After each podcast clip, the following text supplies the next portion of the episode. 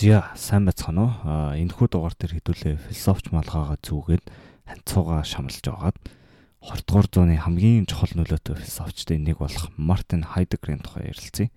За тэр дундаа философийн түүхэнд хамгийн том нөлөөтэй бичвэрүүдийн нэг гэж авч үздэг. Түүний уран бүтээл болох Being and Time буюу байх ба цаг хугацаа гэдэг номны талаар гол санаануудыг товчхон ярив философч Молор Эрдэнэс энэ хүү номыг Монгол дээр орчуулсан байдаг юм байна. Тэгэхээр ерөнхийдөө гадуур номын дэлгүүрүүд, номын сангууд ерөнхийдөө байгаа хаа. За энэ хүү номонд одоо германаар sein гэж байгаа, англиар being гэдэг үгийг ер нь байх гэж орчуулсан байгаа. Үүнийг өөрөөр бас одоо оршихуу, байх, байгаа, байх ахуу гэж ойлгож солно. А нэг зүйл тэмдэглэж хэлэхэд энэ хүн ном нь ерөөхдөө метафизик буюу тэр дунд онтолог гэсэн салбарт орно. Энэхүү салбар нь одоо бодит ертөнцийн цаад мөн чанар тэр дундаа оюун санаа, матер, юмсын яг байгаагаараа байгаа натурал чанарын тухай судалдаг юм байна. Тэгэхээр энэ ном маань оршихуйг судалж байгаа болохоор метафизикийн салбартаа орно гэсэн үг. За миний энэхүү номыг ярьж байгаа шалтгаан нь бол Хайдеггер нь existential философчдод маш чухал нөлөө үзүүлж одоо гол философийн ойлголтуудын метафизик суурийг нь тавьсан гэж хийч болно. Одоо Хайдеггерийг дуртахгүйгээр өнгөрөөл философийн бурхан тэнгэр гэж байдаг бол баг гомдох баха. За тэгээд хэрвээ одоо existentialism-ийн талбаар сонсоогүй бол дөрөвдүгээр дугаарыг дахиж сонсоорой гэж зөвлөе. Тэр дугаар дээр existentialism болон феноменологийг ерөөхдөө айгу товч ирсэн байдаг. Тэгээ феноменолог бас энд нэлээд чухал хамааралтай болохоор ер нь тэр дугаарыг сонссон зүйтэй баг. За тэгээд existentialism-ийн одоо гол өвөгцөг болох одоо John Paul Sartre гэдэг одоо Францын философч маань үндсэн ойлголтууд нь Heidegger-аас урган гарсан гэж хэлж болно. А одоо Sartre-гийн бас алдартай уран бүтээл болох одоо байх ба биш гэдэг одоо being and nothingness гэдэг нь бас одоо энэ номтой айгуу төстэй бүтэцтэй энэтэй салшгүй холбоотой гэж хэлж болно.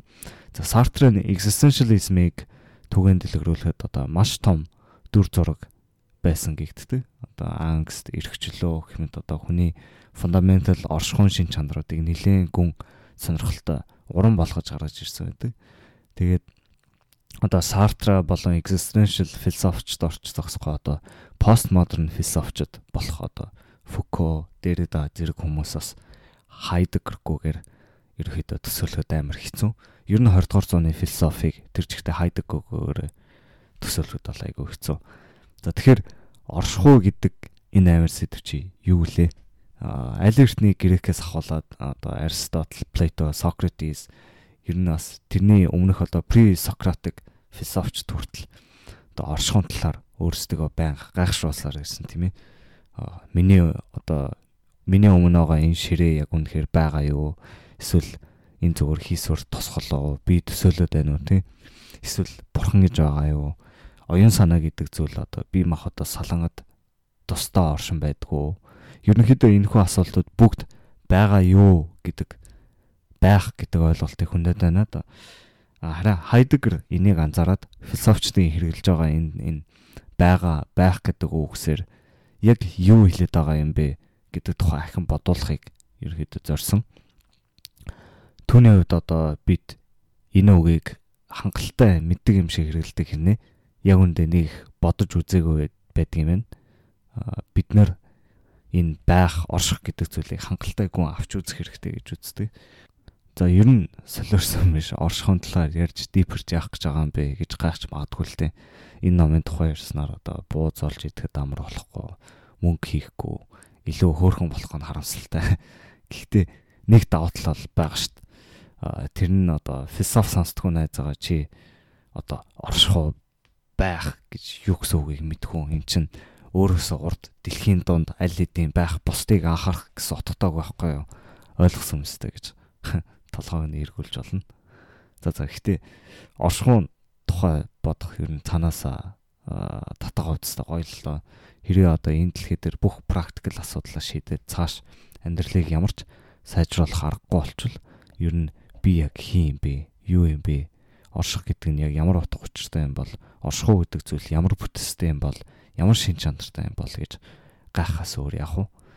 хүм болж төрчөөд ер нь ингэж ганц ч удаа бодохгүй энэ цогц төгөлдөр оршихууга гайхшихгүй өгөхөд өгөл нэрээ амтнаас ялгарх лаг тарих за яагаад хэрэг алах уу. За тэгээд бас яг үндэ энэ хүү метафизикийн ойлголтод тамаглаад бол айгу чухал. Яг тэгвэл эдгээр маань бидний тарьж байгаа модны үндэс суурь нь болж өгдөг. Одоо Германы алдарт философч философч Ницшег жишээ болгож авъя л да.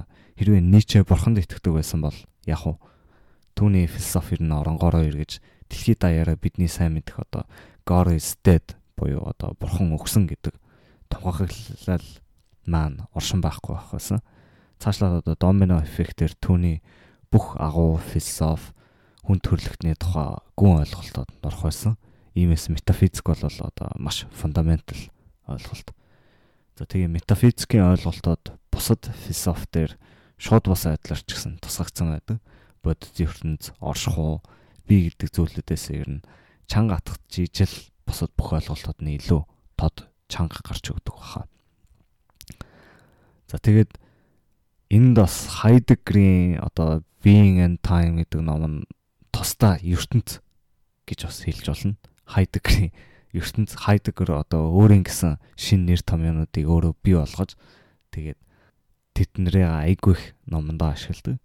А Хайдегрийн байх бат хугт being and time гэдэг ном нь философиг тэр чигт нь шинчлээд гаргаж ирсэн гэж хэлж болно. Хайдегрийг одоо хялбар энгийн үг хэллэгээр ярьсангүй гэж хүмүүс их шүүмжилдэг л дээ. Бидний таньж мэддэг одоо зүйлийг танихгүй, тодорхойгүй, улам ойлгомжгүй болгодог. Одоо Хайдегрийн философиг ойлгож авахаасаа илүү нэг тийм гацрахалтай харийн мэдрэмж мэдрүүлэхэд л зориулагдсан гэж боддог хүмүүс би. Хайдегер энэ юу хавгүй байдлаа хүлээн зөвшөөрдөг ч гэсэн түүний хувьд бол энэ нь философийн түүхийг одоо оронгороо эргүүлэх шаардлагатай жижиг төлбөр золиос гэж хэлдэм байх. Тэгээд ер нь хараад хахад одоо Хайдегер, Wittgenstein зэрэг философчдын нэг түгээмэл юм нь энэ хэл гэдэг зүйлтэй амар нарийн тооцоод үздэг. Бидний энэ философийн ойлголтуудыг бусдад хүргэж ойлгуулахад хэрэглэгдэж байгаа цор ганц зүйлээ бол энэ хэл гэдэг юм шүү дээ хэл бол бидний хэрэглэж байгаа зэвсэгэл гэсэн үг байлдж байгаа сэлэн маань бидний тавьж байгаа философийн асуулт одоо хариулт бидний бичиж байгаа ярьж байгаа үг хэлний дагуу хязгаарлагддаг. Ийм болохоор ер нь хэлний философи гэдэг нь бас тусдаа айгу том салбар байдаг бах. Бас ийм болохоор л Хайдегер ерөнхийдөө яг оновчтой байхын тулд шинэ үг томьёонуудыг хэрэгэлдэг бах. За тэгээ аяанда яагаад ер нь хайдаг өөр ингэсэн шинэ өгнүүдийг гаргаж ирж ашигладгийг ерөнхийдөө ойлгох бах. Зохиосон өгнүүдийн зармыг нь одоо герман хэлнээс өөр хэлэнд болгоход бүх жижиг нюанс, нарийн өнгө аясыг нь хадгалахад маш хэцүү гэдэг юм байна. За бас тэгээд нэг зүйлийг дуртахад Хайдегер маань ерөнхийдөө их үедээ энэ being and time-ыг бичиж байхдаа одоо нэг зүйл юу нэгдүгээр хэсгийг гаргаад тэгээд ерөнхийдөө үргэлж үргэлжлүүлэх санаатай байсан. Гэхдээ сүүл рүүгээ ерөөхдөө өөрхөн философи баг зэрэг хуурсан байдیں۔ Тэгээд энэ ажлыг ерөөхдөө гүйцээж чадаагүй. А гэхдээ сүүлийн хайдгаар эхний хайдгаар гэж ерөөхдөө хоёр хуваадаг л та. Тэгээ сүүлийн хайдгаар нь ерөөхдөө бас хилэнд амар их алч холбогдол өгдөг. А хил ерөнхийдөө яг бидний бодит ертөнцтэй харгалцдаггүй гэдэг зовлонтой очирдаг гэх юм уу. Тэгээд тийм болохоор бас хайдгаар юу одоо яруу найргийн тухай айгүй их ярьж эхэлдэг. Тэгээ яруу найраг нь ерөнхийдөө одоо энэ оршихуу гэдэг зүйлийг ойлгоход илүү дөхөм найдлагыг төрүүлдэг гэж бодд юм байна.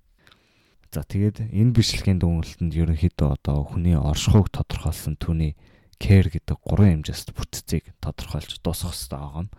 А энэ бичлэгний дараа хүмүүс ер нь юу сонсч байгаа гэж гайхах ер нь тэгч хэрэгтэй. Өөрөө одоо цаашаа тунгаажуудаад хайдагтай санал зүрх гэж оролдох хэрэгтэй чихнийхээ хажуугаар өнгөрөөвөл ерөнхийдөө юу ч сурахгүй баха. За тэгээд Хайдегрийн амьдралын талаар товчхон яриад тэгээд түүний Хайдеверс ертөнцөөр алилцгаая. За маань 1889-с 1976 оны хооронд амьдарсан. Германы Мескерч хотод төрж өссөн байт юм байна.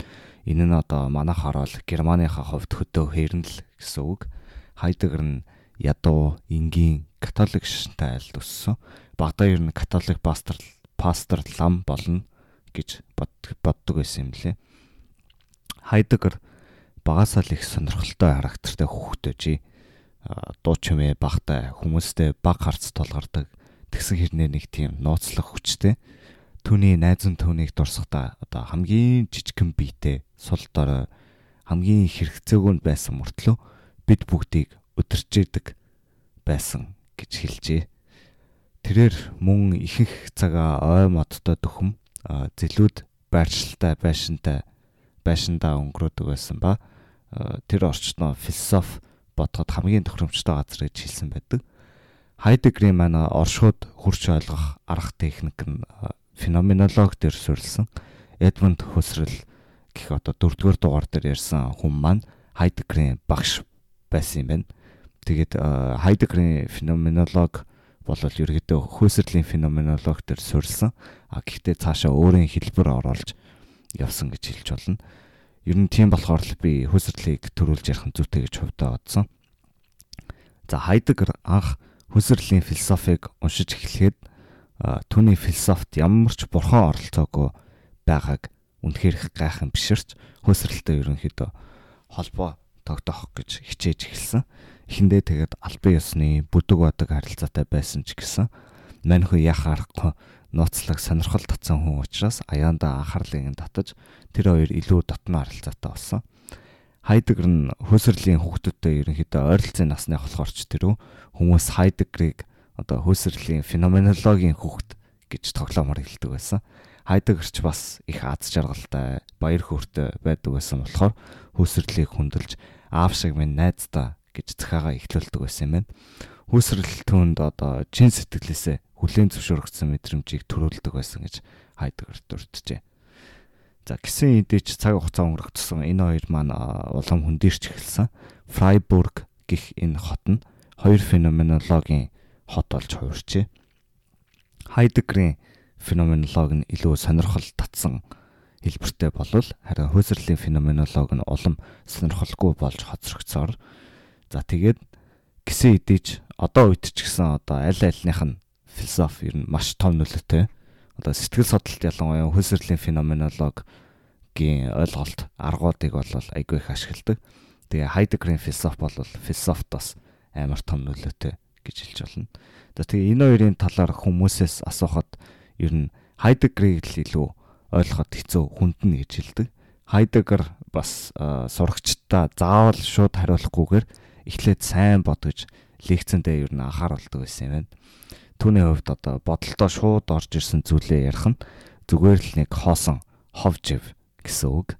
Философт ялангуяа маш ойлгомжтой өгөө тодорхой байх нь чухал учраас хид хідэн дахин тунгааж байж одоо зэгцтэй ярих шаардлагатай байдаг. За үүн дээр бас нэг чухал фактыг нэмжлэхэд Хайдегер нь наци байсан. Аа бас олон муухай одоо нацитайгаа холбоотой олон муухай юм хийсэн байж магадгүй. Одоо зарим хүмүүс энийг шаардлагатай байсан ч гэж үздэг л те. Одоо түүхийн нэг хэсэг нь болохоос өөр аргагүй байсан хүйсрэл маань бас еврей гаралтай байсан болохоор одоо Гитлерлийн дардлалаас хүнд дарамт авсан. Тэгээд Хайдегерийг наци болох шийдвэр нь бас Хайдегер хөөсрөл хоёр холбоо тасрах шалтгаан байсан баг. За би ямар түүхч юмштэй юугаач мэдгүй тэгээд энэ тухай аль нэг талыг барихгүйсэн дээрах Хайдегер хэдийгээр наци байсан ч гэсэн түүний одоо зохиолууд бүтээлүүд бол маргаангүй гайхамшигтай болохоор түүний бүтээлийг амьдралынхаа шийдвэрүүдээс тусдаа салгаж авч үзэхэд буруудахгүй байна. За тэгээд ном руугаа оръё. А одоо энэ номны гол зорилго бол оршихуй байх гэдэг зүйлийн бүтцийг олж нээх юм. Юуны төрөн тэр оршихуй гэж яг ямар шоу юмны талаар ярих гэдэг байгааг нь тодорхойлъё.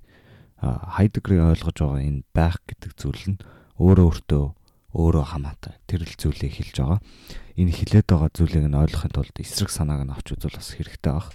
Одоо өөрөө өөртөө өөрөө огт хамаарлаггүй тийм зүйлүүд ерөөхдөө хаасаагүй л байгаа одоо бидний мэдх ихэнх объектууд л бол болол тийм штэ. Одоо жишээ нь тэнд байгаа чулуу өөр өөрхөө тухай боддоггүй, өөр өөрхөө тухай судлах нь тэр чулуунд юусоо хамаагүй. Тэр чулуу зүгээр байгаагаараа л байна. Аа байгаагаараа л оршино. Одоо түүний энэ энэ ороод ганц хийж чадах зүйл бол зүгээр л оршин тогтнох байхч гэж хэлж болно. Хэрвээ эргэн тойронд байгаа зүйлсээ сайн харуул одоо жижиг ийдэс шоргоолж сармагчангаас ахуулаад одоо одод гариг ирэхээс хүртэл өөр өөрийнхөө тухай одоо тунгаах чадваргүй. Тэгэхээр байх гэдэг үгээрээ ерөөхдөө юмсын оршихоглав ерөөсөө хэлэхгүй байгаа. А харин энэ өөрөө өөртөө өөрөө хамаатай гэдэг ойлголт нь одоо харин хүн төрөлхтний хувьд бол ерөөхдөө үнэн бид зүгээр л одоо чулуу мочиг байгаагаараа л байгаад байдгүй бид хормоч бүртээ өөр өөртөө хамаатай одоо чухал шийдвэр гаргах шаардлагатай тулдаг. За за одоо юу их үү, даалгавраа хийх үү, ээж рүү залах уу, бууз идэх үү, хуушаар идэх үү гээл би өөрөө одоо надад хамаатай болохоор л ийм шийдвэрүүдтэй тулдаг. Ер нь хүн л ганцаараа өөрийн оршихуун тухай асуудалтайгаа тулгардаг. Хүн л ганцаараа хорвоодлохыг бодож тунгааснараа одоо хий оосоо өргөдөг. Одоо хамгийн дөхөм очих боломжтой зүйлс гэвэл амьтад байж магадгүй бид нар үнэхээр одоо тэд нар өөрсдийнхөө тухай боддгоо үгүй юу гэдэг талаар шууд хараад хэлж мэдэхгүй л дээ. Гэхдээ тархийг нь судлаад үзэхэд угаасаа биологи талаас боломжгүй байдаг. Амьтад бидэнд байдаг prefrontal cortex гэдэг тархины бүтцэнд байдгүй. Тэгээд энэ бүтц нь ерөөхдөө хүнийг хүн төрөлхтнийг ялгаруулж өгдөг одоо амтнаас prefrontal cortex-аас үүдэж ерөнхийдөө бид янз бүрийн дээд түвшний цогцоодлыг бодох чадвартай байт юм байна. За зөвхөн хүн төрлөختөн л өдөр тутмынхаа амьдралдаа одоо байх буюу оршихуун тухай ойлголттой үйл хөдлөлөө хийдэг. Бас хүн төрлөختөн л байх байгаа гэж яг юу юм бэ гэдгийг бодож тунгаах нөхц болцоотой. За юу ч гэсэн Хайдегрэмэн зөвхөн Хайдегрэмэн зөвхөн э, хүний оршихуун талаар ярьж байгаа олж тарлаа. Чивт хоёрын талаар ярьж байгаа олж тарлаа. За үүнийг хараа яаж судлах вэ? Ямар арга техник ашиглах вэ гэдэг дээр бол хариулт нь бол феноменолог. Одоо бид феноменологийн чиг хандлагыг ашиглах болно. Тэгээд феноменологийн талаар товчхон дуртахад бол энэ манд картешин үзлийг няцаасан одоо бодит үзлийг шууд илүү хомсраас бодит байдлыг шууд илүү хомсраас шинжилэн задлж одоо мөн чанарт нь хүрэх шинжилгээ ухаан гэж хэлж болно одоо биднээс салангад ангид оршчуу тийм объектив ертөнцийг би гэдэг энэ субъектив бит хүртэж байгаа гэдэг зүйл байхгүй. Ерөнхийдөө феноменолог өнцгөөс олвол тэр феноменолог ертөнц гэж л одоо чиний харч мэдэрж байгаа цорын гац зүйл байгаа. Мөн бидний одоо сэтгэл хөдлөл нь энэ хурч мэдэрж байгаа одоо феноменолог ертөнцид байгаа зүйлсээ олон янзаар одоо янзын өнгөөр бодож байгааг картишн үзлүүд ерөөхдөө айгүй сул тал гэж үздэг. Үннээс гажууд болдог гэж үздэг. А харин феноменологчдын хувьд бол утга учир нь одоо зөвхөн мэдрэхүү сэтгэл илүү хомсрал дамжуулж бий болдог бөгөөд одоо энэ сэтгэл хөдлөл нь ерөөхдөө утга учирынх нь баг нэг хэсэг гэж хэлдэг. Феноменологийг бас товчоор феноменог дүрслэх үйл явцаар тодорхойлж болно. Одоо хөөсрөлийн нэг жишээ байсан шүү дээ энэ одоо аягтай кофе ирчээд яг юу юм бэ? Одоо гэж асуудаг. Тэгээд нэвтрхий талын фактуудаар дүүргсэн ч гэсэн яг миний урд байгаа энэ аягтай кофе гэж юу хэлээд байгааг ерөөсөө хэлж чадахгүй. Нөгөө төвөр бас үүний талаар хувийн мэдрэмж дурсамжуудаа хуваалцсан ч гэсэн тэр аягыг ойлгоход хүрэхгүй. А харин энэ кофе бол одоо аяглон, баялаг үнэртэй, газрын чимшиг, хөрс шорооны чимшиг тийм амттай аягны амсарнаас нь одоо уур аяархан савсна. Урууландаа хүрэхэд энэний одоо зузаан шаазан ханнуудаас нь шингэн нь миний ам руу шилжиж жиннэ хөнгөрдөг. Ихэндээ дулаахан тэгснээ дараа нь хурц харангийн амт нь хилэнд жинрэн өгөөд намайг тайвшруулж одоо тухтай дулаан мэдрэмжээр намайг аргадаж намайг илүү сэргэг сонортой болгодог. Одоо энэхүү амлалтууд бас хүлээж байгаа энэхүү мэдрэмжүүд өнөр өг амт зэрэг одоо бүгд л феноменогийн феноменагийн нэг хэсэг одоо энэхүү экспириенсээр дамжуулж л ерөнхийдөө бүх үнэнд хүрч байгаа одоо ийм зүйлийг хэлж байгаа. Тэгэхээр феноменог феноменог дүрслэх гэдэг энэ явц бол айгүй чухал. За тэгээ феноменологийг хальт салсан байх ерөнхийдөө феноменолог бол энд чухал. За тэгээд чамаас чи яг юу юм бэ гэж асуувал яг юу гэж хариулах вэ? Одоо бид нар ер нь энэ байх байгаа оршихуу гэдэг үгнүүдээр яг юу яриад байна вэ? Бид ерөнхийдөө нэг би гэж яг илээ гэдэг бүдүүг адаг ойлголттой байдаг. Би оршихуу гэдэг үгсийг сонсоход бидний толгойд орж ирдэг ерөнхийдөө зүйлүүдээс дурдах юм бол нэгдүгээрт одоо би юм авахд бидний хамгийн сайн удирдах чаддаг ер нь бидний контролд байгаа ганц зүйл бол бидний бие юм авахд тэгэхээр ерөөдөө бие гэдэг зүйл бие юм авахтай бол угаасаа саршгүй холбоотой. Ил ухамсар гэдэг маань бас айгүй чухал болоод одоо миний 5 м хүүгээрээ мэдэрч харж сонсож өндөрлж хурч одоо бодож байгаа гэсэн янз бүрийн зүйлүүд одоо яг одоогийн хорон мөчийн тухай мэдээллүүд маань ерөөхдөө бас намайг их тодорхойлж байгаа. Оюун санаа гэдэг бол бас чухал одоо бидний сэтгэх юмыг ургуулсан болгох чадварын үндэс суурь гэж хэлж болно за бас сүнс юм уу сүнслэг бий гэж бас олно. Тэгээ бие махбод хомсор оюун санаанаас цаад түвшний энерги юм уу тийм сүнслэг зүйл гэж бас зарим хүмүүс ярьдаг. А эсвэл бас ерөнхийдөө зөвхөн хүн төрлөختөнч гэж хэлж болно. Одоо эцэс спид бүгд хүн төрлөختний нэг л жижигхэн амтан шүү дээ. Одоо хүмүүс цаанаас юм яаж хийн би ч гэсэн ерөнхийдөө тэгж хийх генетикийн материалгаар материалаар угаасаа бүрдсэн байдаг. За гэх мэтэр одоо хэдийгээр эдгээр дурдсан зүйлүүд нь одоо а би гэдэг зүйлтэй холбоотойч гэсэн одоо хайдегрийн хувьд эдгээрээ аль нь ч хүний оршихуй гэдэг зүйлийг бүрэн дүрсэлж чадахгүй. Одоо феноменологийн чиг хандлагаас хүртэж байгаа зүйлд эдрийн ерөнхийдөө аль нь ч хангалтгүй байдаг. Феноменологи нь тэр чигтээ одоо ил ухамсарт юу ирж байгааг судалж байгаа боловч ерөнхийдөө бас ил ухамсарч гэсэн цаашаа одоо ингээд бодоод ирэхэд хангалтгүй болж байгааг ерөнхийдөө тайлбарлана. За тэгээд эдгээр өгнүүдээр одоо оршихойг тодорхойлол бас эдгээр өгнүүд нь одоо цаана метафизикийн ойлголтууд, үзэл бодлууд аксиомодтойгоо ярих бах. Одоо бие махбод оюун санаа, ухамсар гэдэг зүйлүүд маань цаанаас маш тийм нарийн тодорхойлттой. Тэгээд одоо их оршихуу гэдэг их фундаментал зүйл ярих гэж байгаа болохоор одоо шинэ үг шинэ үгийн хэрэгцээ ерөөхдөө гарч ирдэг. За тэгээ Heidegger өвөнд Dasein гэдэг герман үгийг сонгосон байдгийн. За тэгэхээр Dasein гэж яг юу хэлээд байна гэж ерөөхдөө тодорхойлох гэж үзье. За Dasein-ыг махчилж орчуулвал да гэдэг нь одоо тэнд а сайн гэдэг нь байх орших гэсэн үг. Тэгэхээр ерөнхийдөө нийлүүлээд тэнд байх, тэнд орших гэж ойлгож болно.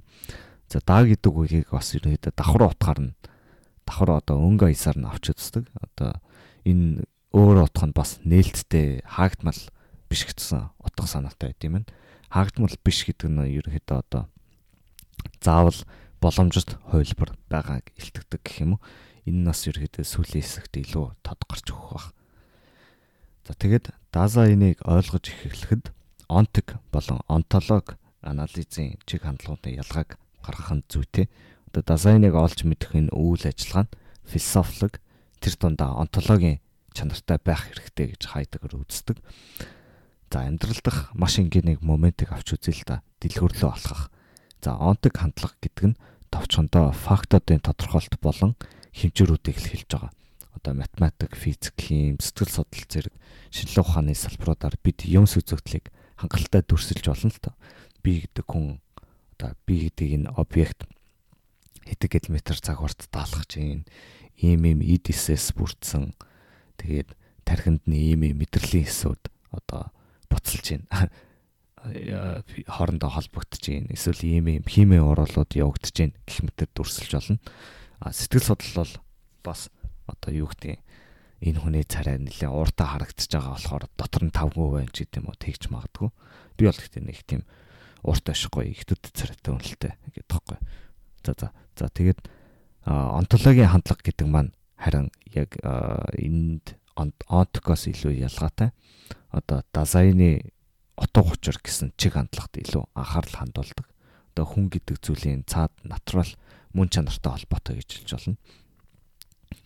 Одоо юм бүхэн чамд яаж тусж байгаа тэр дундаа яг ямар утга учир болж байгааг анзаардаг. Одоо феноменологийн үндсэн үндсэн ойлголт байдаг шүү дээ. Кофе нь одоо чамд яг яаж мэдрэгдэж, яаж олгогдож байгааг одоо тэр зүйлд нь бид нэр төлөвснөөрөө төвлөрснөөрөө илүү мөн чанарт нь төгтөх шиг а бас ерөөдөө шинжлэх ухааны фактууд хэмжээсүүдээр хичнээн дүрслэх гэж үзсэн. үтсэн ч гэсэн одоо бидний феноменологи ертөнцид ямар ч мэдээлэл өгөхгүй хоосон зүйл гэж хэлж болно. Иймээс одоо онтог анализ нь нөлөөгөө. Харин онтологийн чиг хандлага гэдэг маань одоо дизайны утга учир гэсэн зүйлд одоо айгүй их анхаарал хандуулдаг. Хүн гэдэг зүйлийн одоо цаад натурал мөн чанартай илүү холбоотой. За нэг жишээ олгож авъя л да. Эрхчлөө гэдэг ойлголт. А бид бүгд оршихуун одоо шийдвэр гаргахтай ихэнх хорон мөчтөд тулгардаг. Үүний талаар ямар ч матер судлалын шинжилгээ ухааны салбар ярьж чадахгүй. Сэтгэл судлал хүртэл хүний шийдвэр ийм тийм байдаг, ийм процессор явагддаг гэдэг хэмжээснүүдээс ч цаашлахгүй эрхчлөөний сонголт гэдэг хийсвэр зүйлийн бүтцийг бидэнд ерөнхийдөө тайлбарлахад хүрэхгүй хичнээн шинжлэх ухаан гэдэг зүйл нь одоо агуу өрн төлөөтэй ч гэсэн бидний оршихуун тухай бүрэнгүйцэд ойлголтыг өгч чадахгүй. За тэгэхээр ер нь сонирн болоо явчлаа шүү. Яг юу ярих гээд байна тий. Дизайн гэдэг юмыг л ерөнхийдөө задлан шинчлэх гээд байгаа. Дизайны цаана ямар мөн чанар нөхцлүүд шаардлагатай байж иж бид өөрсдөө болон одоо бидний эргэн тойронд байгаа зүйлс бидэнд утга учиртай болж тайлбарлаж тайлбарлагдаж өгч байгааг ерөөдөө сонирхож байгаа. Дизайныг одоо бас илүү үйл хөдлөлийн шинжтэй хэлбэртэй гэж ойлгодог. Тэгэхээр бид нар ерөнхийдөө одоо дизайны үйл хөдлөлийг дараагийн хэсэгт судлах болно. Тэр дундаа бусад зүйлстэй юмстай тулгарх хэв маягуудыг судлах болно. За энэхүү анализ нь онтологийн чанартай байх бөгөөд бид дизайныг өдөр тутмын энгийн хорон мөчөдөд нь авч үзнэ. Бид өөрсдөө өдөр тутмыг анализ хийн гэсэн үг л дээ. Нэгсэн доо.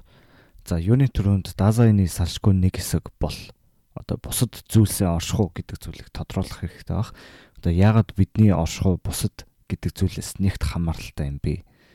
Хэрвээ бидний оршихуйтай зэрэгц эрхэн тойрондох юм сүзэгдэл зүйлс байхгүй байсан бол бид нар одоо хов оосон окторгууд уусч өөрсдөө ч ялгаж анзаарах шаардлагагүй болж хуурах бах. Иймээс босод одоо юм сүзэгдэл болон тедэнтэй тулгарх харилцах ялангуяа гар үе оролцох гэдэг нь одоо бидний оршихуун салшгүй нэг хэсэг юм. Ялангуяа контекст болон эргэн тойрон орчинг нь аваад хайчвал ерөөхдөө бүх зүйл утга учраа алдагддаг. Алах гэдэг зүйлийг жишээ болгож авъя л да алхтай холбоотой одоо бүх хүрээллээс нь салгаж авч үзвэл зүгээр л нэг жижиг модон байрвал төмөр хошооны нийлүүлэг болж орно тий. Хэрвээ бүр бариулт юм уу одоо хошууч гэдэг ойлголт шаардлагагүй болно шүү дээ. Алах гэдэг зүйлийг яг масс хэлбэрээр авч үзвэл за тийм. Тэгэхээр иймээс бид феноменологийн ертөнцийн байнга бусад этгээдүүдтэй тулгардаг тийм үү. Одоо үүнийг судалцгаая а угаасаа бидний өдөржин хийж байгаа момент бүрийг тодорхойлбол босод зүйлстэй харилцах, оролцох, холбогдох гэдэг зүйлүүдээр л яригдана. Хайдеггер ийм болохоор л ерөнхийдөө дасайныг өдөр тутмын үйл хөдлөл талаас нь авч үздэг. За бидний бусад зүйлстэй харьцах тулгуурлыг Хайдеггер 3 ангилж байгаа. Энэ гурав нь бол ready to hand, president hand болон unready to hand гэж байгаа. За ready to hand гэдэг маань гарт бэлэнх бэлэн present hand hand гэдэг нь гарт байх unready to hand гэдгийг гарт бэлэн биш гэж орчуулж байгаа. За тэгээд ихтэйс нь эхлээд тайлбарлаа явъя. За юуны төрөнд зүгээр нэг ажиллаа хийж байгаа можааны жишээ авч үзье. Одоо эхлээд энэ можаа маань одоо алхаараа юм хатж байгаа үйл хөдлөлийг ерөөхдөө можааны феноменологийн өнцгөөс авч үзье. Энэ хүн одоо ажилдаа төвлөрөөд ажлынхаа нэг хэсгэнд олж гар үе гар үе болж оролцох үед алах гэдэг зүйл нь энэ хүний ил хомсорт орж ирдэггүй. Энэ нь юу гэсгүй үгүй гэхээр одоо алах алахыг байгаа үгүйг нь анзаарч мэдэрдэггүй гэсэн. Тэр можаа ажиллаа зогсоогоод алахыг ажиглаж эхлэх хүртлээр энэ алхам түүний феноменологи ертөнцид харагдахгүй одоо хөөсрлийн кофедо жишээн дээр хүн болвол ингээд кофендо төвлөрдөө штэ кофего маш сайн мэдрээд энэ ийм зүйл байна, тийм зүйл байна гэдэг шиг хараа алах алхан дээр бол яг эсрэгээрээ хий хоосон орон зайг эзэлж байгаа гэж хэлж болно. Тэгээд цаашлал энэ можаа нь өөрөө өөрхөө байгаах ч анзаарахгүй байгаа. Тэр мөчөд одоо байгаа зүйл гэх юм бол бидний анзаарч байгаа тэр experience болж байгаа зүйл үйл хөдлөл гэдэг зүйл байгаа. Энэхүү бидний анзаарч байгаа одоо анзаарал мэдрэмж ил ухамсарнаас субъект объект хэлбэргүй одоо феноменологийн ертөнцид ямар нэг объектив салангад ертөнцид ертөнц гэж байхгүй. Тэгээ түүний хүртэж байгаа би гэдэг субъект байхгүй. А харин зөвхөн үргэлжилж байгаа тэр үйл хөдлөл феноменал гэж байгаа. Одоо алхахтай жишээн дээр бол алхаар хадж байгаа феноменал бидний ухамсарт орж ирж байгаа. Тэгээ бидэнд анзаарагдаж байгаа зүйл юм. Тэгэхээр бид өөр өөр зүйлсүүдийг болол анзаарахгүй байгаа. За тэгэхээр бидний өөр зүртэй зүйлтэй тулгарч байгаа энэ зүйлийг анализ хийхэд одоо бидний ил ухамсар болон анзаарах чадвар хангалттай байгаа. А энэхүү феноменыг дүрсэлж хэлэх үг философт ерөөхдөө байдгүй. Бидний хилэнд бас аахгүй. Яагаад гэвэл ямар ч хэрэгцээ аахгүй. Яагаад гэвэл бүх зүйл айгүй сайхан явж байгаа. Бүх зүйл урсгал урс шиг усч тонглог мэдрэмжийг өгч байгаа болохоор биднэрт ямар ч энийг асуудал болгож тодруулах үг хэрэгцээгүй байдаг. А харин энийг бол Хайдеггер маань to hand буюу гарт бэлэн гэж орчуулж байгаа. За можооныхаа жишээн дээр үргэлжлэе юу. За мань можоо тэгээд алхаараа сайхан юм хадаа сууж итэл гинт алхан нэвтэрчихжээ л дээ. Алхаа эвдрэнгүүт мань хөө одоо алхаа барьж агаад анализ хийж эхлэв. Тийм үү. Одоо энэ маань хоёр дахь ангилал буюу одоо present hand буюу гарт байх гэдэг ангилалд орж байгаа. Одоо зөвхөн ямар нэг зүйл эвдэрх юм уу буруу болоход л энэ одоо тонголог урсгал шиг мэдрэмж маань алдагдаад Тэгээ бид нар нэг тийм асуудал шийдэгч одоо шинжлэх ухааны эрдэмтэн байт юм уу? Заавал тийм байх ч албагүй л дээ. Тийм одоо тийм анализ хийдэг хүн болж хуурдаг. Тэгээд алхахныхаа одоо хошоо бариулыг нь салгаж агаад янз бүрийн одоо онтог шинж чанаруудыг хэмжиж анализ хийж эхлэх нь ерөөхдөө бас бидний мэдх картешн хандлагатай илүү ойрхон. Одоо энэ алх гэдэг объектийн хатоолог чанар, бүтэц, функц үнэр амт юу гэдэг хүрээнээс нь одоо орчин хүрээнээс нь салгаж агаад тусдаа авч үздэг анализээ эхэлж байгаа. Ер нь барооны философи нь оршихуг ерөөхдөө аонтик хандлагаар анализ хийсэн байдаг. Энэхүү одоо гарт байх гэдэг бүтц нь ерөөхдөө юмсыг тусдаа салгад өөрөө дангаараа оршиж байгаа өнцгөөс хардаг. Одоо энэ дээр бол Декарт айгу тийм тод жишээ болох бах. Одоо Декарт ч бас нөгөө нэг лаг бас ажиллаж байгаад ингээд үнэр амт мат юу гэдэг энэ ла гэж юу хэлээд байна гэж яг тусдаа салангад авч үздэг. За тэгээд ер нь ширээ сандал мод юу гэдэг юм солгон бас бид нар анализ хийхдээ одоо тусад нь авч үздэг. Одоо Аристотл Платогийн хувьд болвол одоо substance гэдэг нэр том байдаг. Тэр зүйлээрээ тэр одоо оршин байгаа юмсыг төлөөлүүлдэг энэхүү одоо substance гэдэг зүйл нь янз бүрийн шинж чанаруудтай. Одоо алах маань одоо жишээ нь хатун, одоо дулаан тэгээ ерөнхийдөө үнэр амтныхын хувьд ийм байдаг ч гэдэм үү янз бүрийн шинж чанаруудаар нь дурддаг. Тэгээд юмсыг бол тийм одоо шинж чанаруудтай одоо substance гэж үздэг. Тэгээ энэ хүү шин чанаруудыг нь бас салангад тустай зөвлөд гэж үздэг л дээ. За энэ энийг бол ерөөхдөө гарт байх гэж хэлээд байгаа. Хоёр дахь англи. За сүүлийнх нь англи бол гарт бэлэн биш байх гэж хэлж байгаа. Одоо бидний хэрэгжилжсэн алах маань одоо саяны можааны маань алах маань эвдрээд тунгаланж тунгалаг мэдрэмж төрхөө болоод зогсохгүй биднэрт ямар ч хэрэглээгүй хэрэгцээгүй болох үед биднийг би энийг unready to hand буюу гарт бэлэн биш гэж байгаа. Энэ маань ерөөхдөө сүүлийн сүүлийнх нь англи. Тэгээд алах маань одоо эвдэрхэд бид нар алахтайгаа ямар ч гай гар бие оролцох болцоогүй болж хуурдаг. За тэгэхээр ийм гурван ангиллал ерөнхийдөө байдаг. Тэгээд Хайдеггер ерөнхийдөө номдоо яг ингэж хэлдэггүй ч гэсэн ерөнхийдөө энэхүү тулгарлыг бид нар ерөнхийдөө хэрэг уусч гар гар бие оролцох а мэдрэмж оролцооны дагуу одоо спектрум дээр үзэж болно. Тэр зүйлдээ одоо маш их гүн гар бие оролцож байгаа үед гарт бэлэн гэж хэлж байгаа. Тэр хийж байгаа зүйлээ хийхээ болцсон ч гэсэн одоо буцаж оролцох боломжтой. А гэхдээ заавал гар бие оролцохгүйгээр тэр зүйлээ ширтэж анализ хийж суухыг гарт байх гэж байгаа. Тэгээ огт хэрэглэх гар бие оролцох боломжгүй болчих үед нь гарт бэлэн биш гэж байгаа. За мөн энэ анализаас харахад байх гэдэг нь байнга энэ дэлхийд оролцож байгааг хэлдэг. Хорон мөчүүд бүрт бид аль хэдийн оролцож ихэнхдээ ямар нэг зүйлийгээд ерөөхдөө завгүй сууж идэг. Бид нар хизээч өөрсдийгөө огт юу ч хийхгүй юмыг харж ширтэж суугаад байдгүй шүү дээ. Зүгээр орон дээр хөвтөж байхдаа хүртэл бид нар одоо ордоогоо оролцож гин гэсэн үг те орон дээр хөвтөөд тэгээд оюун санаагаараа бас бусад зүйлсийг одоо феноменологи ертөнцид авчиж авчирч бодож юм бодож идэг. Тэгээд Хайдеггерос хэлэхдээ бид юмстай ихэнхдээ хэрэгсэл маягаар тулгардаг гэж үздэг. Одоо ямар нэгэн ажил хийхийн тулд гэсэн үг. Одоо хоолыг бичих, үсээ янзлах гэх юм одоо ормаанд хөвтөх хэрэгсэл, алах маанд юм хадах хэрэгсэл гэх мэт бид ихэнхдээ юмыг ерөөдөө тунгааж боддоггүй. А тэр бол картишн чиг хандлагыг хэлээд байгаа.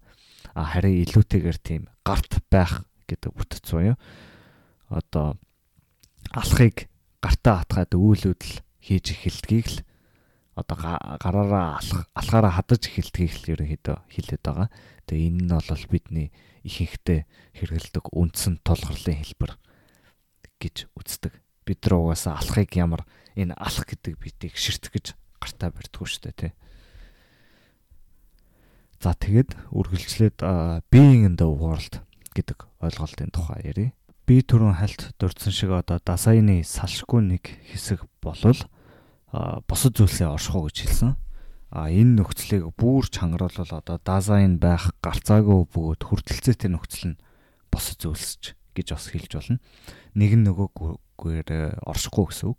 Үүнийг ерөөхдөө дэлхийн дунд байх гэж нэрлэдэг байгаа. За энэ дэлхийн донд байх буюу being in the world гэдэг нь нэг залгаатай нэг үг шүү. А энэ бол айгүй хамаатай. Гэхдээ энэ дунд дунд байх, оршин байх гэдэг нь одоо хундган дотор байгаа ус юм юм шиг ерөөсөө төсөөлж болохгүй. А харин дэлхийтэйгээ цуг нэгэн зэрэг холбоотой хажууд нь залгаатай байгаа гэж ойлгох хэрэгтэй. А ийм болохоор дэлхийн дунд орших гээд нэг үг болгож байгаа учиртай юм аа. Хайдеггер нь ерөнхийдөө энэ үгээрээ субъект, объект, ухамсар, дэлхий гэдэг одоо зүйлүүдийг бүгдийг нэгтгэж нэгтгсэн нэг үг болгож байгаа гэж бас хэлж болно. За дэлхийгээ тусдаа салангад ангиж ертөнцийн одоо би гэдэг субъект байна гэж ойлгож болохгүй. Энэ бол картешн үзэл болж тарна. Аа бас нөгөө төгөр одоо нэг зүйлс нь нөгөө зүйлсүүдээс үүдэж би болдог. Нэг нь нөгөөгийнхөө шалтгаан болдог гэж бас бодож болохгүй нэгэн зэрэг утгатай гэсэн гэж ойлгох хэрэгтэй. Энэхүү өнцг нь ерөөхдөө феноменологоос үүсэх зайлшгүй мөрдлөгөө баха.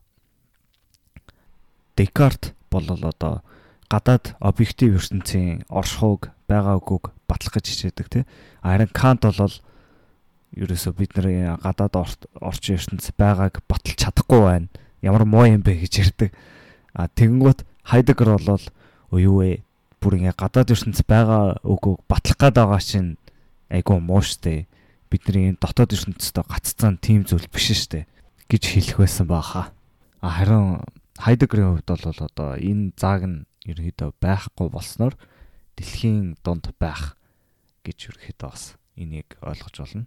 За дэлхийн гэдэг зүйл нь бидний тийм нээлт хийж олсон зүйл бол биш. Харин би болвол дэлхийтэйгээ цуг эхэлдэг дазайн нь дэлхийгээр эхэлдэг. Хүсрэл одоо Декартийн хувьд бол би гэдэг зүйл нь тусгаарлагдсан зүйл юм шиг үздэг л те. Одоо Хайдегрийг авч үзэж байхдаа бид нар объект субъект ярьж эхлүүл ерөнхийдөө хүсрэл рүү төлөж байгаагаас ямарч ялгаагүй болно. Одоо хүсрэлийн феноменологи нь ил ухамсарт юу ирж байгааг судалдаг штеп. Энэ кофе ийм тийм байна гэж. А энэ нь одоо ч гэсэн яг субъект одоо би гэдэг зүйл объектуудыг ингэж тунгааж бодож байгаагаас бас ялгаагүй гэж хэлж болно. А харин Хайдегерийн хувьд түрүү ярьсан дээ. Бид нар бидний ил ухамсарт орж ирж байгаа зүйлүүд хангалтгүй. Одоо би алхаар алх хадаж эхлэхэд алх надад анзаарагдахгүй байгаа. Тийм болохоор хөөсөрлийн феноменологи бол энд ерөөсөө хангалтгүй болж тарж байгаа. За байх буюу орших гэдэг нь дазайны одоо хаяа байдаг хаяа байлгадаггүй тийм шин чанар бол биш юм аа. Дэлхийн донд байх орших гэдэг нь би одоо нүдэн ансан ч гэсэн хамаатай байж л байдаг зүйл. Энэ дэлхийн донд байх гэдэг нь үргэлжийн зайлшгүй мөн чанар болж тарж байгаа. За дэлхийд байна гэдэг нь битээрээ байгаад зогсохгүй. Одоо жишээ би яг өрөөндөө байгаа энэ үйл орших нь орон заагаараа дэлхийн донд байгаа зогсохгүй би эндээ бүр харьяалагдсан байдаг. Надад нэг л тийм танил мэддэг газар болж гарч ирдэг яг иймэрдүү байдлаар даасаа энэ дэлхийн донд оршиж байгаа гэж хэлж болно. Үүнд бас Хайдегерийн оролцоо гэдэг ойлголтыг тайлбарлах шаардлагатай байна. Англиар бол энийг involvement гэж байгаа. Involve гэдэг нь одоо оролцох, оролцоолох, авчрах гэсэн утгатай. За герман үгийг нь ерөнхийдөө бүх нарийн өнгө айсыг нь хадгалж орчуулад хэцүү байдаг гэдэм байна. За Хайдегерийн хувьд оролцоо гэдэг нь ганцаараа тусдаа тим нэг бүтэц биш харин олон олон оролцооны одоо маш том бүрэн цогц сүлжээний нэг өчүүхэн жижиг холбоос гэж ойлгож байна. Одоо энэ цогц оролцооны сүлжээ гэдгийг англиар одоо worldhood, worldliness буюу ертөнцлөг гэж хэлээд байгаа. Хайдагэр. За ерөнхийдөө дэлхийн ертөнцийн зүйлс зүйлс бүрийн одоо бүх сүлжээ холбоос хамаарл одоо оролцооны цогц сүлжээг ертөнцлөг гэж байгаа. За энийг бас жишээн дээр авч үзье. Нөгөө мө алхаа ярьж эхлэе да. За алах хэрглэж байгаа нь ерөнхийдөө хадах ажиллагааг хурцгаж хөнгөвчлж байгаа тийм зорилготой байдаг тийм үү. Одоо би дээврээ хатжсэн бэ гэлтэй. Тэгвэл одоо дээврээ хурдан хатах юм бол хөдний үлрэлт би одоо дулаахан байж чадна тий. Тэгснээрээ одоо өөрийгөө хамгаалж чадна. Өөрийгөө тэгж хамгаалснараа илүү тийм аюулгүй байж чадна. Амар амгалан байж чадна За тэгээд цаашаага илүү олон бууз идэж чадна. Гэх мэтэр одоо алах гэдэг зүйл нь одоо гэр, байшин, дулаан, амар амгалан байдал, бууз идэх зүйлтэй хүртэл холбогдож байгаа. За миний алхах, алхдах чадвар нь бас одоо өөр чадруудаас бас хамаардаг. Одоо зогсох, гараа хөдлөх, алхаа мэдрэх, харах гэл ер нь олон юмнаас хамаарна. За тэгэл цаашаа үргэлжлээд байвал ерөнхийдөө энэ зүйлүүд маань одоо ингээл бие биентэйгээ холбогдоод яваад байдаг. Тэгээд ийм цогц оролцооны сүлжээ нь бидний өдөр тутмын одоо оршин байж харилцаж байгаа эргэн тойрны орчныг л хэлээд байгаа. Нэг ясантаа энийг ертөнцлөг гэж хэлж байгаа. ертөнц дээрх бүх төрлийн оролцоо холбооснууд гэж ойлгож байна. Одоо алах гэдэг зүйл нь зөвхөн одоо байшин, дээвэр, бусад одоо дулаахан байх, хамгаалах юу гэдэг хадаас ч юм уу одоо тиймэрдүү бусад зүйлсүүдтэйгээ хамааралтайгаар л утга учиртай болж бидэнд аа энэ алах гэдэг юм байна гэж бид нар өөрсдөө ойлгож авдаг. Одоо энэ хүрээлэхгүйгээр одоо мод төмөр хоёрын углаг углаг болсон юм масл гэсэн үг. Хэрвээ бид нэр одоо ингэж босод зүйлтэй холбож ойлгохгүй бол За Хайдегер цаашлаад маш олон төрлийн одоо оролцооны хэлбэрийг жишээ олгож өгсөн байдаг. Одоо юмтай цуг байх, юм нь дотор байх, юм нь үр дүнд хүрэх, юмны зүг чиглэх, юмны төлөө байх гэх мэт. Одоо жишээ нь яг одоо одоогийн нөхцөл байдлыг авч үзье л да. Би одоо яг энэ компьютер дээр юм бичиж байгаа тий. Тэр нь одоо би энэ компьютертойгоо цуг байж байгаа гэсэн. Юмтай цуг гэдэг оролцоо. За өрөөнийхөө офисын ширээн дээр бичиж जैन те. Юм дотор байгаа гэдэг оролцоо. За энэ подкастыг хийх гэж байгаа гэдэг нь тийм юмн үр дүнд хүрэх оролцоо. За Хайдегерийн философийн тул тухай танилцуулж байгаа гэдэг нь юмны зүг чиглэж байгаа тийм оролцоо. За тэгээд цаашлаад философи сэтгэл судлалын одоо подкаст ч байх гэж энэхүү яриаг хийж байгаа гэдгийг бол бас юмны төлөө байх оролцоо гэж ойлгож байна. За оролцох хэлбэр байдал нь тэгээд энэ үүнээс цааш ерөнхийдөө айгүй олон байдал хэлбрээр гарч ирдэг. Тэгээд эдгээрүүд нь бас эсрэг хэлбрээрээ ч гарч болно. Жишээлбэл юмтай цуг байхгүй байх, юмн дотор байхгүй байх, юмд хөрөхгүй байх, юмнаас зүгтаах, юу гэдэг юмны төлөө биш байх ч гэдэг юм уу. Тэгээд бас энэ сүүлийн юмны төлөө байх гэдэг оролцоо нь ерөнхийдөө бас айгүй оролцоо бүрийн үндэс суурь болж өгдөг гэж хайдагаар хэлдэг л дээ. Одоо жишээ нь компьютер маань эвдрэхэд би одоо юу юуны төрөнд бухимддаг. А тэгээ энд бухимдж байгаа шалтгаан өөрийн одоо тэр подкаст чинь байх гэдэг зүйлийн төлөө байснаа одоо тэр оролцоо маань сааталтаа учирснаар би одоо энэндээ саатлах гарч байгааг анзаараад тэр юмны төлөө байх гэдэг зүйл маань алдагдж байгаа болохоор бухимдж байгаа гэж хэлж болно. Тэгэхээр одоо ямар нэг зүйл эвдрэхэд бидний ямар оролцоотой байсныг бидэнд одоо илүү мэдрүүлж нээж өгдөг гэж хэлж болно. За энэ оролцоо гэдэг зүйл маань бас утга учиртай нягт холбоотой. Утга учир болж ойлгогдож байгаа энэ чанар нь ерөөхдөө дизайнд маш хамааралтай. Одоо объект зүйл болгон бидэнд одоо ямар нэг хэрэглээний утга учраа оролцоо гэдэг зүйлийг бидэнд илтгэдэг. Одоо үүнд энэ ч бол бас сайн анхаарлаа хандуулах хэрэгтэй. Дизайныг бас өөрөөр бол зүгээр л утга учрын хөдөлгөөн гэж хэлж болно. Утга учрыг хүртэх хөдөлгөөн ч гэдэг юм уу. Одоо жишээ нь бид нар мотоцикл юм уу галт тэрний дуу чимээ сонсоход хизээч тийм абстракт долгион чимээ сонсдоггүй. Нилээн хиймэл болоод одоо төвхтэй оюун санааны цар хүрээнд авч үзчихийж л яг тэр цэвэр одоо махчлсан долгион чичиргээний хэмжүүрийг сонсно. А бид нар харин тэгж сонсдгоо. Бидний сонсож байгаа дуу чимээ аль хэдийн мотоциклийн дуу чимээ байна. Мотоциклтэй хүн явж байна зэргээр бидэнд тэгэж утга учир олж нэвчиж бидэнтэй бас гай гар бие оролцдог ч гэж хэлж болно. Энэ маань одоо түрүүн ярьсан алхаар юм хадгад алхтайгаа гар бие оролцож уусдаг одоо а гарт бэлэн гэдэг бүтцийг бас баг зэрэг илтгэж байгаа.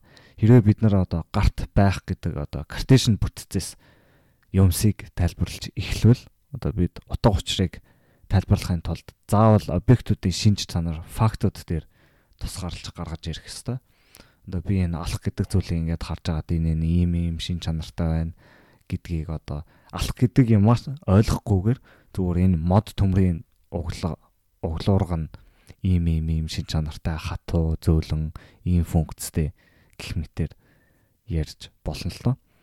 Гэхдээ ингэснээр ахаад л олон тийм гарт байх гэдэг бүтэц зүй одоо картишн бүтцүүдийг л нэмж гаргаж өгч байгаагаас ямар ч ялхаг болно.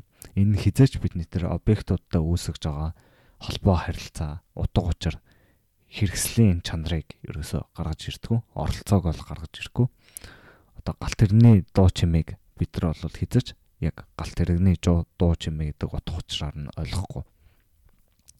Иймээс Хайдегрийн хувьд бид бол одоо гарт байх гэдэг картешн бүтцээс эхэлж тэрэн дээрээ утга оноож өгдөг. А харин гарт бэлэн гэдэг ойлголтоос эхлээд өдөр тутмын хэрэгсэл гих одоо утга учирын сүлжээг нь авч хайснараа гарт байх гэдэг үтс дээр ярьдаг. Одоо алхахтай жишээнээр бол алхнаас одоо бусад бүх холбоотой одоо юу гэдэг юм байшин дээвэр хадаас тиймэрхүү юмнуудыг ин салгаад зөвхөн тэр алхахыг тусдаа салангад үзэж шин чандрыг нь шинжилснээрээ л гарт байх гэдэг үтс гарч ирдэг. А гэхдээ феноменологийн өнцгөөс бол бид угаасаа ингэж чадахгүй. Яагаад гэвэл феноменологийн хүрээнд бидний хүртэж байгаа зүйлс аль хэдийн одоо утга учир танил мэдрэмжээр бүрхэгдсэн байдаг. А тийм болохоор ингэхээс одоо утга учир байхаас өөр ямар ч аргагүй байдаг. За тэгээд Хайдегрийн хувьд алах гэдэг зүйл нь зүгээр л одоо гурван хэмжээс докторгоо зай эзэлж бит биш. Харин оролцооны потенциалыг харуулсан одоо маш том цогцлбор сүлжээ гэж нэрлэдэг байгаа ертөнцлөгийн нэг хэсэг болж харагдаж байгаа. Одоо алхаж гэлтгүй бусад бүх зүйлс одоо чамд нөлөөтэй чамтай цуг зэрэгцэн оршиж байгаа гэж хэлж бас олно. За үүнийг Хайдеггер одоо мицэн гэж хэлж байгаа. Энийг бол одоо англиар being with гэж байгаа. Ерөнхийдөө орчуулах юм бол цуг байх, цуг орших гэж орчуулж байгаа. Энэ бол бас Хайдеггерт одоо маш чухал ойлголт. За цуг байх гэдгээрээ Хайдеггер яг юг хэлж ийн вэ? За түрүүн хэлсэнчлэн Дазайны картешн өнцгөр бид би гэдэг зүйл одоо гэж харахыг Хайдеггер өгөөсгдөг те. Яагаад гэвэл ингэж харснараа Дазайны гарт байх гэдэг картешн хэлбэрээр хүлээж авдаг. Иймээс одоо би гэж тусдаа ингэж зүйл байж чадахгүй болохоор зайлшгүй өөрсдөөстэй цуг байх нь Дазайны мөн чанарт төгж очиж байгаа. За энэхүү цуг байх гэдэг нь ихтэй дэлхийд донд байхаас жоохон ялгаатай. Эдгээр энэ хоёр маань одоо тийм урдчилсан одоо анхны нөхцөл ч гэсэн Дазайныг байх тийм урдчилсан нөхцөл ч гэсэн аа одоо цуг байх гэдэг ойлголт байгаа болохоор л ерөнхийдөө бас Дазайн нь ганцаараа байхыг мэдрэх боломжтой гэж үздэг. Одоо ганцаардлын урдчилсан нөхцөл бол мицейн буюу цуг байх. Өөрөөр хэлбэл одоо цуг байх гэдэг зүйлгүйгээр ганцаараа байх гэдэг зүйл боломжгүй гэсэн. За бидэнтэй одоо тэр байнга цуг байдаг. Цуг байж одоо бидэнд байнгын нөлөөлөлтөй байдаг тэтгэр зүйлсийг ерөнхийд нь базаж ерөнхийдөө хилээд байгаа энэ зүйл нь тэгээд энэ нь ихтэй бидний алах гэдэг одоо энгийн жишээ шиг амархан хурууга зааж агаад хилчих зүйл бол биш. Гэхдээ ерөнхийдөө нэг өөр жишээ авч тайлбарлах гэж үзье. За улс болгон соёл болгон ерөнхийдөө а хоёр хүн хоорондоо ярихад хамгийн тохиромжтой зай гэсэн ойлголттой байдаг. Одоо тэр нь бол найзтайгаа хайртай хүнтэйгээ ажлын хүнтэйгээ ярихаас ч бас хамаарч байгаа. А бас дуу чимээ ихтэйгаа ихтэй юм уу багтаа газар бас орчны нөхцөл байдлууд бол нөлөөлөлтөө. А гэхдээ соёл болгоных ерөнхийдөө өөр өдөг тий. Одоо Монголд ийм байдаг бол гадаад ийм байдаг. Тэгээд найз болон хайртай хүнтэйгээ илүү ойрхон ярьж болдог. Ажлынхан хүнтэй жоохон зайтай ярих хэвээр. Энэхүү феномен одоо өдөр тутмын Дазайны одоо тэд гэд буюу одоо Дасман гэдэг зүйлийг илтгэж байгаа. Одоо энэ Хайдегрийн хэлээд байгаа Дасман гэдэг зүйл нь одоо бидраас ангид тусдаа оршдгоо. Дасман буюу тэд гих зүйлүүд нь биднийг аль хэдийн нэвчин орсон байдаг. Одоо энэ соёлын норм шиг соёлын нормчоос одоо бидний аль нэг бидний нэг хэсэг болж оршиж байдаг тийм үү. Энэхүү одоо соёлын нормыг ойлгоход одоо соёл хамрагдаж буй хүн бүрийн нийлбэр гэж ойлгохоос илүүтэйгээр онтологийн феномен гэж ойлгох нь зүйтэй. Эндээс одоо нэг дүнэлт ихэд энэ одоо тэд буюу дасман гэдэг байгаа зүйлийг яг заах зааж хэлэгдэсэн. Энэ бол тэр зүйл биш. Би өөрөө биш. Хэсэг бүлэг хүн биш. Энэ ерөнхийдөө айгүй тийм сармаг ойлголт. За тэгээд соёл болон түүхээр өвлөгцөө одоо маш зүйл маш олон зүйл одоо дадал зорчлууд ч юм уу бидний хийдэг зүйлүүд байгаа л да. Одоо би алхаар юм хадгахдаа аль хэдийн одоо манай соёлд одоо хүн төрлөختөн яаж алхаар юм хаддаг би бас тэгж л хаддаг бид одоо аль хэдийн жирийн хүний хийдэг зүйлийг л хийдэг. Жирийн хүний хийдэггүй зүйлээс зүгтгтаа хүртэл жирийн хүн яаж зүгтдаг шиг зүгтдаг. Энийг бас сайн бодоод үзээрэй. Чамд одоо орж ирсэн бүх мэдээлүүд, утас, медиа, зурагтаар зураг зэрэг зүйлсээс орж ирсэн. Үгүй би яг өөрөө л ингэж боддог гэсэн тийм одоо зөвхөн миний гаргаж ирсэн гих тэр зүйл тэр одоо зүйл үзэл бодлоод хүртэл одоо бусад надад ингээд хэлж исэн хүмүүсийн одоо хальт сонсогдсон юмнуудын нийлбэр гэж хэлж болно. Одоо чиний хийж байгаа зүйлийг ер нь өөр хин нэг аль хэдийн хийж гисэн болохоор л чи бас хийж байгаа л гэсэн үг. Чи бараг л одоо бусдын хийснээр л хийдэг зомби гэж бас ойлгож болно. Үүнийг л ерөнхийдөө Дасман гэдэг байгаа. Дасман гэж ерөнхийдөө юу хэлж болно.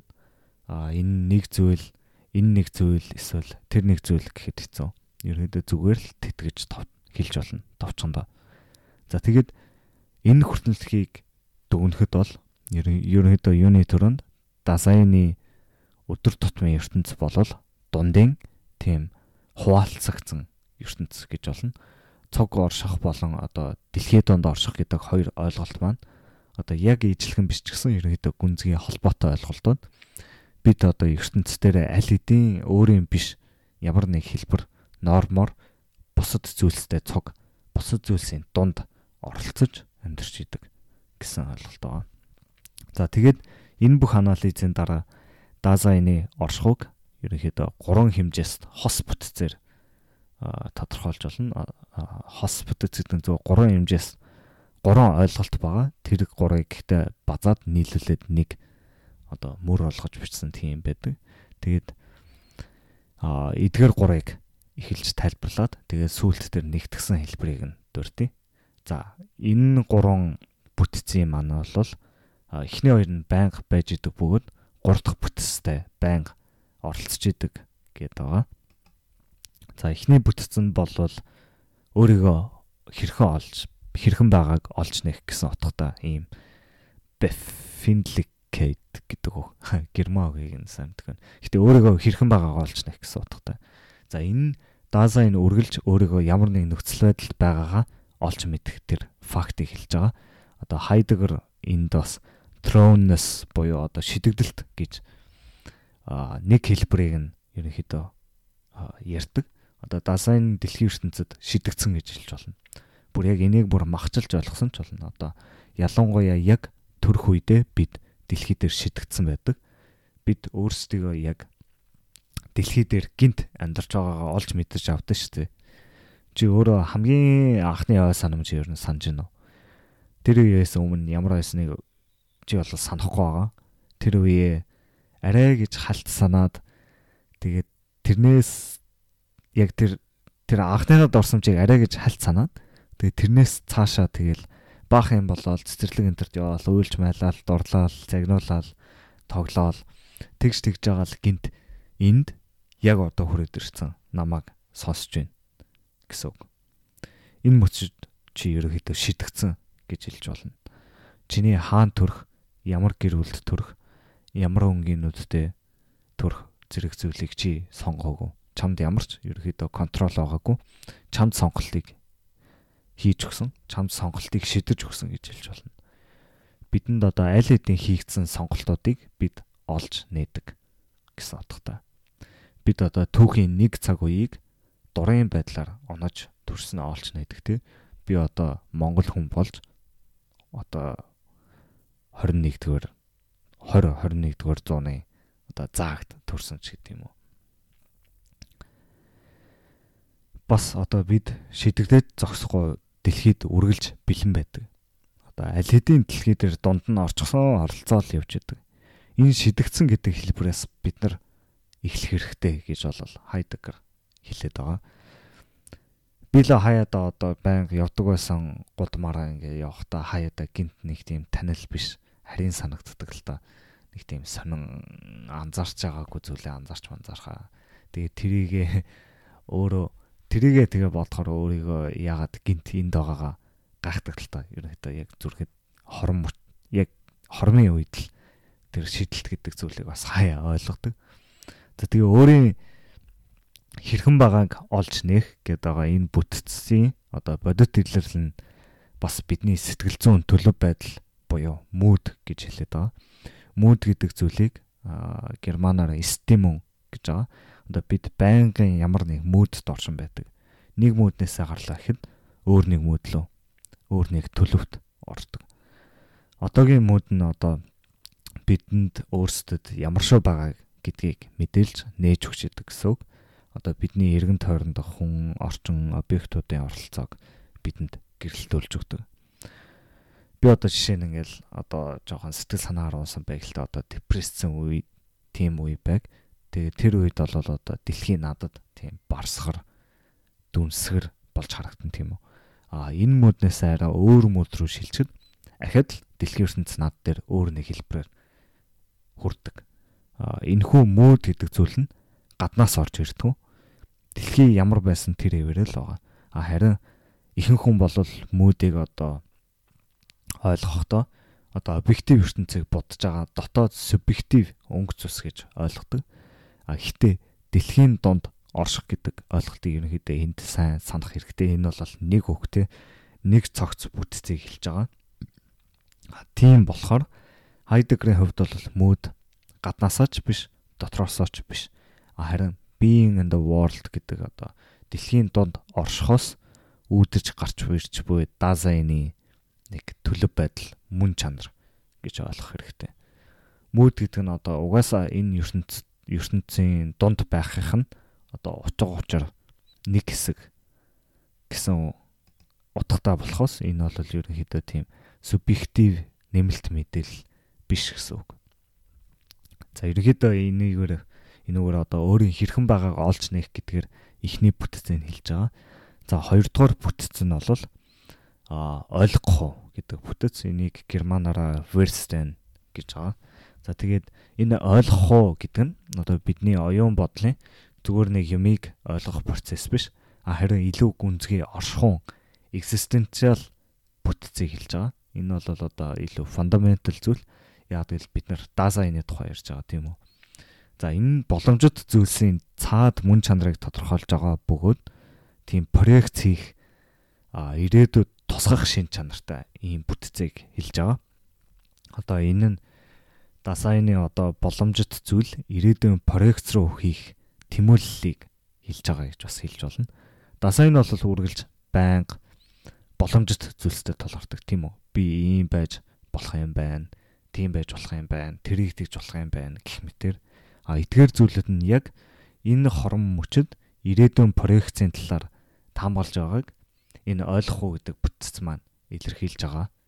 А нэг ясандаа тэр одоо проекцийнхаа өмнө нь төрөнд нь явж байгаа гэсэн. Тэгээд проекц нь одоо ингээ урт ирээдүйд тусгаж байгаа. Одоо боломжит зүйлсийг болгох одоо боломжийнх нь үнс суурь гэж бас хэлж болно. За тэгээд нэмээд энэ тухай яриад л яваа даа. Тэгээд аяанд ойлгох баха. Одоо жоохон ингэж ойлгох гэдэг зүйлийг ойлгох гээд байгаа болохоор жоохон сонирм байж магадгүй. За ойлгох нь ерөөхдөө бас хоёр чиглэлтэй байж болно. Эхнийх нь одоо бидний эргэн тойрнох ертөнцлөг буюу одоо тэр дундаа а бусад зүйлсийг хэлж болно. Одоо бид ертөнцлөгт байхдаа зүйлсүүдийг одоо өөрийн байдлаар ойлгож авч ирээдүйд проектлох чадвартай байдаг алх нь одоо миний хувьд ертөнцлөгтэй холбоотойгоор надад одоо өөрөөрөө бол оролцоогоо гаргаж ирдэг те би бол алхтуулдаг тийм зүйл юм шүү гэж надад ерөнхийдөө хүртдэг. Одоо үүнийг би өөр дээрээ ойлгож мэдэж авах та аа за энэ алхаар ерөнхийдөө би юм хадах юм байна, юм засч болох юм байна гэх зэрэгээр ойлгодог. Бид хизээч энэ алхахыг ямар нэг өөрөөрөө бол оролцоог нь ойлгохгүйгээр ашиглаж гар оролцох боломжгүй Ийм болохоор энэ ойлгох уу гэдэг бүтц нь бас одоо ерөнхий анхны чанар одоо нөхцөл гэж хэлж болно. За хоёр дахь хэлбэр нь өөрийн чиг хандлага буюу одоо ойлгохыг дазайн руу өөр л үн чиглүүлж болно. Одоо бид бид нар түрүүн анх ярьсан шиг одоо чулуу өөрийнхөө тухай боддгоо. А гэхдээ хүн бол өөрийнхөө тухай бодож чаддаг гэдэг шиг дазайн бас дазайныг өөрийгөө тэр ойлгох уу гэдэг бүтцийг ашиглаж болно. А тэгснээрээ дизайн ерөнхийдөө өөрийнхөө тухайн ойлголтыг олж авдаг. Төрөний одоо оролцоо гэдэг хоолголтыг тайлбарлаж байхад олон янзын оролцооны хэлбэрүүдийг дурдсан да. Одоо тэр дунд байх, одоо юмны төлөө байх. Одоо юмны төлөө байх гэдэг хэлбэр байсан да. Одоо би энэ подкастыг подкаст чинь болохын төлөө л хийж байгаа гэдэг нэг хэлбэр байсан. Одоо тэр ойлгохыг дизайн руу чиглүүлснээр энэхүү юмны төлөө байх гэдэг оролцоог ерөнхийдөө айгүй их ойлгож авдаг. Ойлгох уу гэдэг зүйл байхгүй болвол юмны төлөө гэдэг зүйл бас байхгүй болохгүй байдаг. Ирээдүйн проект хийж проект хийж байгаа тэр подкаст чинь гэдэг боломжит хувилбарыг би ерөнхийдөө толгой дотор бодож байгаа болохоор л ерөнхийдөө гар би оролцож байгаа гэсэн. За тэгэхээр ойлгох уу гэдэг нь бас ийм хоёр байдлаар одоо бидэнд илэрч байгаа. За ойлгохтой холбоотой бас хармонитик хармонитикийн онол бол бас аягүй чухал. Одоо ойлгох нь проект хийх чанартай, шин чанартай бөгөөд үүнийг одоо өөр өөр дээрээ ашиглаж өөр өөрийгөө проект хийж ховсох боломжтой гэж үздэг. Тэгж одоо өөрийгөө хөгжүүлэхийг нь Heidegger interpretation буюу тайлбарлах, орчуулах гэж хэлээд байгаа одоо энэ ойлгох уу гэдэг бүтц нь өөрөө өөрийгөө ахин дахин ойлгож боломж проекцод дэвшүүлснээр энэ циклээ ахин дахин давтснаар өөрөө өөрөө бий болдог. За энэ нь одоо баг л эхлэл төгсөлтөйгөө холбогдсон спираль гэж хэлж болно. Энэ хүү спиралийн одоо холбоос нь энэ проект проекцлол гэдэг шинж чанар бөгөөд одоо проекцийн дахин давтагдах холбоос нь нийтдээ одоо ойлгох уу гэдэг зүйлийг үүсгэж байгаа гэж хэлж болно нэг энийг ерөнхийдөө хармонитик бүтц гэж хэлээд байгаа. За бид дизайныг ойлгохдоо өөрсдөө энэ бүтцийг нэг хэлбэрээр нь бас ашиглаж байгаа гэж болно. Бид энэ ойлгох уу гэдэг зүйлийг ашиглаж дизайныг ойлгож байгаа. анх дизайн гэдэг жишээнээс эхэлж одоо дизайны одоо бусад зүйлстэй тулгардаг байдлуудыг авч үзсэн тий. Одоо алах гэдэг жишээ аваад тэрийг ойлгуулж тайлбарлаад тэр тайлбарласнаа нэмж тайлбарлаад одоо ингэж явсаар байгаа эцэст нь ойлгох уу гэдэг бүтэц дизайныхаа бүтэцээр ирж байгаа. Тэр ойлгох нь одоо тайлбарлах юм уу тэр орчуулах гэдэг ойлголттойгоо нэгт холбоотой. Проекцлох чанартайгаа нэгт холбоотой. За бас ойлгох уу гэд болон одоо энэ тайлбар хоёрыг бас for structure тайлбарладаг. For гэдэг нь өмнө гэсэн. За үүнд for having, foresight, for conception гэдэг гурван ойлголт байдаг. Одоо алхан дээрх жишээн дээр товчхон дурдах юм бол for having гэдэг нь одоо байгаа зүйлийг хэлж байгаа. Foresight гэдэг нь болохоор одоо алхнаас урган гарч байгаа одоо бүх болцоот хувилбар одоо ирээдүйд төлөвлөсөн юмнуудыг хэлж байгаа. Аа тэгээд for conception гэдэг нь одоо алхахыг хэрэгсэл болгож ашиглаж байгаа. Тэр одоо хэлбэр төрсөж болно. Ерөөсөө ийм гурван зүйл байгаа. Одоо эхэлж байгаа гараа проект буюу барай. Тэгээд байгаа зүйлээсээ проектлогоо хүрэх зам талбар, мета талбар гэж одоо зам гэж хэлж болно. Одоо үүнийг ашиглаад дизайныг өөрийг нь бас ирээдүйд проект хийлгээд а одоо барайг нь дизайн, гарааг нь одоо дизайны ойлголт тэгээд тэр хүрх арга замыг нь одоо энэ хоёрыг холбох, тайлбарлах аргыг нь цаг хугацаа гэж сонгох юм бол бас хин номны бүтцийг гаргаж ирдэг гэж хэлдэг. За ерөнхийдөө тэгээд ойлгохын талаар бүдүүадаг санаа авсан байх гэж надад энэ нас угаасаа ойлгоход айгу хэцүү салбар аха. За тэгээд эхний хоёр бүтц олох ерөнхийдөө өөрөөхөө хэрхэн байгааг олж нэх. За хоёр дахь нь ойлгох уу гэдэг байгаа. Энэ хоёрыг ерөнхийдөө нийлүүлж ойлгуул. Даазаа энэ ерөнхийдөө нөхцөл байдал бүртээ шидэгдэн тулгарсан байдлаараа өөрийгөө олж нээгээд тэгээд өөрийгөө ирээдүйд проект хийж болох янз бүрийн боломжуудтай тулгардаг. За энэхүү динамикаас ерөнхийдөө даасаа энэ шидэгдэлт болон эрх чөлөөний нарийн тэнцвэрт оршин байдаг гэж хэлж болно. За энэ хоёр бүтцэн нас ерөнхийдөө салангат биш. Би өөрийгөө одоо хэрхэн олж байгааг нээснээрээ өөрийн боломжит хувилбаруудыг олж хардаг. А бас би өөрөө боломжит өөрийн ирээдүйн боломжит хувилбаруудыг бодсноороо ирээдүйд юу ихээ бодсноороо өөрийгөө хэрхэн байгааг бас олж нээдэг. Энэ хоёр манаас хоорондоо ингээд нэгт холбоотой гэж хэлж байна. За тэгээ энэ хоёр хөдөлгөөн маань 3 дахь хөдөлгөөндөө бас ихвчлэн илэрдэг. Одоо энэ 3 дахь хөдөлгөөнийг маань верфалн буюу одоо уналт гэж орчуулж байгаа. За дизайны дундаж өдөр тутмын илэрхийлэл болж одоо өдөр тутмын ажил хэрэг хөөцөлдөж одоо дэлхийдээ уусч орохыг ерөнхийдөө уналт гэж хэлээд байгаа юм. А энэ нь одоо төрөний хоёр бүтцийн хорон мөч бүрт гарч ирж байгаа илэрхийлэл гэж бас хэлээд байгаа. А мицэ нэгдэг бүтц дээр хэдүүлээ дазман буюу тэд гэдэг ойлголтыг ярьсан да. Тэрнтэй айгу хамаатай. Одоо бид нар соёлын, түүхийн, дэлхийн нэг хэсэг болохоор бусдын хийдгийг л хийдэг. Ингэснээр бидний өдөр тутам нь тэд гих зүйлийн нийтийн шин чанарт нь төрж байдгийг ерөнхийдөө хэлж байгаа. А үүнийг бас ерөнхийдөө энэ authentic буюу а чин үнэнч биш. А бас өөрөөр тэд орших. өөрийн биш орших уу гэж хэлж болно. А харин түүний эсрэг нь authentic буюу одоо чин үнэн орших уу одоо дизайн буюу одоо би өөрөө орших гэж хэлж бас болно. За цаашаа бол уналт гэдэг нь одоо зүгээр нэг тохиолдол биш одоо дизайны зайлшгүй нэг existential бүтэц юм аа. Уналтыг одоо дазайны салшгүй нэг хэсэг гэж хардаг бөгөөд одоо эцсийн эцэст буруудгах хүн гэвэл бид өөрсдөө л байдаг. Хэрвээ бид нар одоо энэ authentic буюу одоо бусад зүйлс одоо дасманы нөхцөл байдалд автвал бид нар өөрсдөө л тэрэндээ буруутай гэдгийг хэлж байгаа. А тэгээд authentic байх нь бас одоо тэд гэдэг зүйлээс ангижрахаас илүүтэйгээр тэд гэдэг зүйлийг зөөлрүүлэх хэлбэр гэж хэлж болно. Одоо яагаад гэвэл тэд гэдэг одоо тэр дасман гэдэг одоо бидэн дотор үргэлж ямар нэг хэлбэрээр байдаг. Одоо чи нүднийх өнгө соёлын нэг хэсэг болох хүчтэй нөлөөллүүдээс ерөнхийдөө бүр хүмүүс ангиж чадахгүй гэсэн ойлголт. А соёлоос ангижраад ангижраад дэлхий дээрээ хിവэрэл. Иймээс аутентик байх нь одоо бусдаас өөрийгөө тусгаарлах биш харин бусадтай өөрийгөө төөрүүлж алдахгүйгээр холбогдох аргыг хэлж байгаа. За гол асуудал нь гэвэл одоо дэлхийн ажил хэрэгт уусч орснороо одоо өөрийн өөрөө өөрийн чин үнэж аутентик потенциалаас потенциалаас холуундаг гэх юм уу.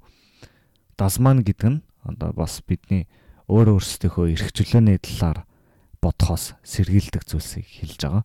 Аутентик амьдрах нь одоо энэ дасман гих бусдын нөлөөллийг эсрүүч эсрүүцж давж сэтгэхийг ерөнхийдөө хэлж байгаа.